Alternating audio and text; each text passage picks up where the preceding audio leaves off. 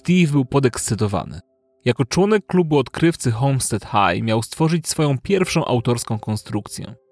Nastolatek wpadł na pomysł budowy miernika częstotliwości do pomiaru liczby impulsów przesyłanych w sygnale elektrycznym. Jednak do jego skonstruowania potrzebował trochę części. W latach 60. ludzie nie miewali zastrzeżonych numerów. Steve otworzył więc książkę telefoniczną i znalazł w niej numer do Billa Hewletta, współzałożyciela Hewlett Packard. Cześć, nazywam się Steve Jobs, mam 13 lat i jestem uczniem. Chcę zbudować miernik częstotliwości i zastanawiam się, czy masz do niego może jakieś części? Bill zaśmiał się, ale nie odłożył słuchawki telefonu. Gawędził z nastolatkiem przez kolejne 20 minut. Nie dość, że obiecał mu brakujące elementy, to jeszcze załatwił staż na linii montażowej przy produkcji mierników częstotliwości. Steve Jobs trafił tam latem, zaraz po ukończeniu pierwszej klasy liceum w Homestead High.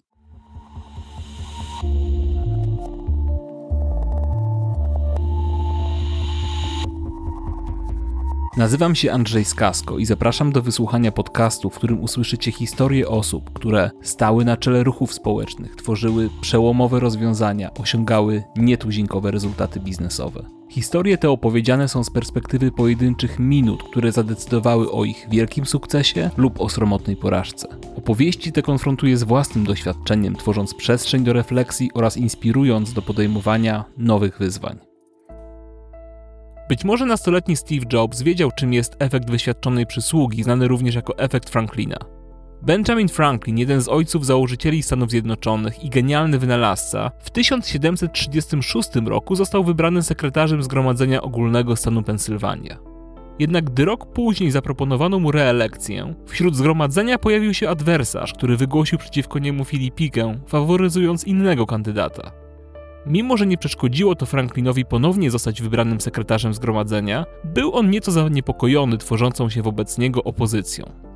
Podejrzewał, że adwersarz może mieć z czasem coraz silniejsze wpływy. Postanowił więc zdobyć jego przychylność w dość unikalny sposób. Franklin dowiedział się, że jego oponent ma w swojej bibliotece pewną bardzo rzadką i cenną książkę. Napisał więc do niego list, w którym wprost zapytał, czy mógłby pożyczyć białego kruka, którego darzy tak wielkim zainteresowaniem. Zadanie okazało się być niebywałe łatwe. Franklin wkrótce otrzymał książkę, którą po kilku dniach odesłał właścicielowi wraz z podziękowaniami za wyświadczenie przysługi. Gdy ponownie spotkał oponenta, ten pierwszy raz od niepamiętnych czasów rozmawiał z nim z wielką otwartością i uprzejmością. Od tego momentu zostali na zawsze przyjaciółmi. Przysługa spowodowała, że adwersarz zmienił się w sprzymierzeńca. Ten, kto raz wyświadczy wam uprzejmość, będzie bardziej chętny, by znowu wam pomóc, niż ten, któremu sami pomogliście, sformułował tezę Ben Franklin. Pozornie ta historia nie ma wielkiego sensu. Człowiek, który nie szanował Franklina i który nawet lobbował za pozbawieniem go stanowiska, pożyczył mu rzadką i cenną książkę. A potem polubił Franklina z samego faktu, że mógł wyświadczyć mu przysługę ale w rzeczywistości kryje się za tym pewien efekt psychologiczny. Większość ludzi błędnie zakłada, że otrzymanie pomocy budzi dużo lepsze uczucia niż jej udzielenie. W rzeczywistości ludzie otrzymując nieoczekiwaną pomoc miewają mieszane uczucia, a czasem czują nawet wstyd i winę, a przez to mogą kryć urazę do osoby, która tej pomocy udzieliła. Obserwacje Benjamina Franklina potwierdziły eksperymenty psychologiczne przeprowadzone w 1969 roku przez Johna Jackera i Davida Landiego. W trakcie badań ze studentami naukowcy wykazali, że samo wyświadczenie komuś przysługi wzbudza sympatię do osoby, której mogliśmy pomóc. Badacze uznali, że efekt Bena Franklina działa z powodu tzw. Tak dysonansu poznawczego. Trudno byłoby pogodzić nam się z faktem, że wyświadczyliśmy komuś przysługę i jednocześnie mielibyśmy darzyć tę osobę antypatią. Stąd poświadomie zakładamy, że taką osobę lubimy. Warto jednak zaznaczyć, że psycholog Junia z Uniwersytetu Hosei w Tokio przeprowadził alternatywne badanie, które sugeruje, że efekt Bena Franklina nie jest wynikiem dysonansu poznawczego, ale tego, że osoba proszona o pomoc wyczuwa chęć zaprzyjaźnienia się i dlatego w naturalny sposób odwzajemnia sympatię. Tymczasem badacze z Harvard Business School i Wharton School udowodnili, że liderzy niesłusznie wykazują obawy w proszeniu o radę, pomoc czy przysługę. Przywódcom często wydaje się, że jest to oznaka słabości. Jak wynika z badań amerykańskich naukowców, proszenie o radę sprawia, że nasze kompetencje postrzegane są lepiej. Umiejętność pokazywania swoich potencjalnych słabości, również, a może przede wszystkim przez liderów, sprawia, że ludzie chętniej za nimi podążają, potrafią więcej ryzykować i bardziej się poświęcać. Zbiega się to z badaniami Brené Brown, profesorki na Uniwersytecie w Houston i autorki wielu bestsellerów New York Timesa, która od lat promuje ideę odważnego przywództwa, której fundamentem jest tak zwane vulnerability, czyli gotowość do odsłaniania siebie i odważnego pokazania tego, kim tak naprawdę jesteśmy. Posłuchajmy Heidi Grant, autorki bestsellera Reinforcements: How to Get People to Help You. And there's a lot of research that suggests that we wildly overestimate the odds that someone's going to say no. Jest wiele badań, które pokazują, że przeceniamy prawdopodobieństwo, że ktoś odmówi nam pomocy. W rzeczywistości szereg badań wykazało, że ludzie, nawet zupełnie obcy, są średnio dwa razy bardziej skłonni udzielić pomocy, niż nam się to wydaje. Myślimy o odmowie, która oczywiście będzie trochę zawstydzająca i niezręczna. Wydaje nam się, że jej prawdopodobieństwo jest znacznie większe niż jest ono w rzeczywistości, ale w dużej mierze wynika to po prostu z błędnej oceny perspektywy. Kiedy myślimy o tym, jak ktoś będzie się czuć po drugiej stronie, gdy prosimy tę osobę, aby nam pomogła, natychmiast myślimy o tym, jaki będzie to dla niej ciężar. Czujemy się winni, że chcemy poprosić kogoś o pomoc, kogoś, kto również może czegoś potrzebować. Jednak w rzeczywistości nie myślimy o tym, jak dobrze jest pomagać. W rzeczywistości wszyscy chętnie pomagamy. Okazuje się, że możliwość efektywnej pomocy innej osobie jest prawdopodobnie jednym z najlepszych uczuć, jakie można doświadczyć. Dylematów w proszeniu o pomoc nie miał Mike Hayes, który dorastał w Rochelle, niewielkim mieście w stanie Illinois w Stanach Zjednoczonych. Gdy w 1987 roku ukończył szkołę średnią, wydawało się mało prawdopodobne, by rodzina była w stanie pomóc sfinansować mu wymarzone studia na University of Illinois. Zresztą nawet nie chciał prosić rodziny, by zadłużyła się na rzecz jego edukacji. Nastolatek postanowił zrobić coś niekonwencjonalnego. Ile osób czyta twoją kolumnę? Mike buńczucznie zapytał dziennikarza Boba Greena z Chicago Tribune. Miliony, prawda? W całym kraju? Zaciekle dopytywał.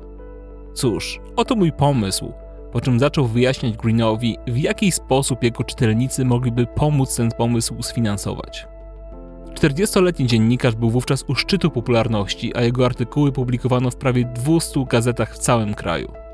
Jak później wyznał, nikt nie lubi być wykorzystywany, ale w tym przypadku byłem chętny. To brzmiało naprawdę dobrze. Za pośrednictwem Greena Mike postanowił zaapelować w Chicago Tribune o przesłanie jednego centa przez każdego, kto chciałby pomóc sfinansować mu edukację marzeń. Dziennikarz, który miał użyczyć Mike'owi miejsca w dzienniku, raczej nie wierzył w sukces akcji. Zwłaszcza, że sam koszt wysłania jednego centa pocztą był 22 razy większy niż samej darowizny. Jednak ciekawość zwyciężyła. 6 września 1987 roku Debra Muffet, Miss America sprzed kilku lat, otworzyła Chicago Tribune. Na jednej ze stron ujrzała wytłuszczony adres skrytki pocztowej Many Pennies for Mike, Box 13, Rochelle, Illinois. Była pod wrażeniem historii stojącej za niezwykłą prośbą Hayesa. Postanowiła do niego napisać. Pracownicy poczty byli zdruzgotani. Nie byli w stanie nawet przeliczyć listów zaadresowanych do Mike'a. Sam hajs doliczył się im 90 tysięcy. Poza trzema milionami centów, Mike dostał też sporo kobiecych anonsów ze zdjęciami i numerami telefonów. W tym list od Debry, Miss America. Dzięki kampanii w gazecie Mike'owi udało się sfinansować studia, a niewydane pieniądze przekazał studentowi wylosowanemu spośród jednej z rodzin, która przysłała mu pieniądze. Mówi Steve Jobs. Uh, Nigdy nie znałem nikogo, kto odmówiłby lub odłożył słuchawkę, kiedy dzwoniłem. Po prostu prosiłem. A kiedy ludzie mnie o coś proszą, staram się reagować tak samo, aby spłacić dług wdzięczności. Większość ludzi nigdy nie podnosi telefonu, nie dzwoni. Większość ludzi nigdy nie pyta. I to właśnie czasem odróżnia ludzi, którzy faktycznie do czegoś dochodzą, od ludzi, którzy tylko o tym marzą.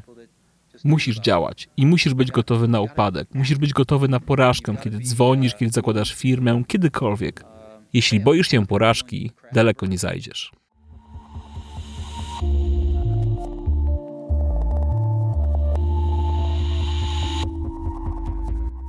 Pozostając bez większych perspektyw na utrzymanie, 65-letni Harland postanowił sprzedać swój przepis na smażonego kurczaka.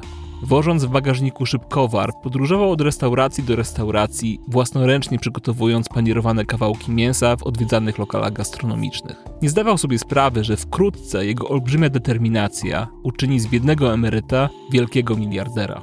Tę i inne historie usłyszycie w następnym odcinku Minuty, która zaklina rzeczywistość. Serdecznie zapraszam na minutapodcast.pl, a jeśli podobają Ci się opowiadane historie, zachęcam do subskrybowania i obserwowania podcastu na najpopularniejszych platformach, a na końcu proszę Cię o przysługę, oceny i recenzje na Apple Podcast oraz promowanie mojego podcastu w mediach społecznościowych.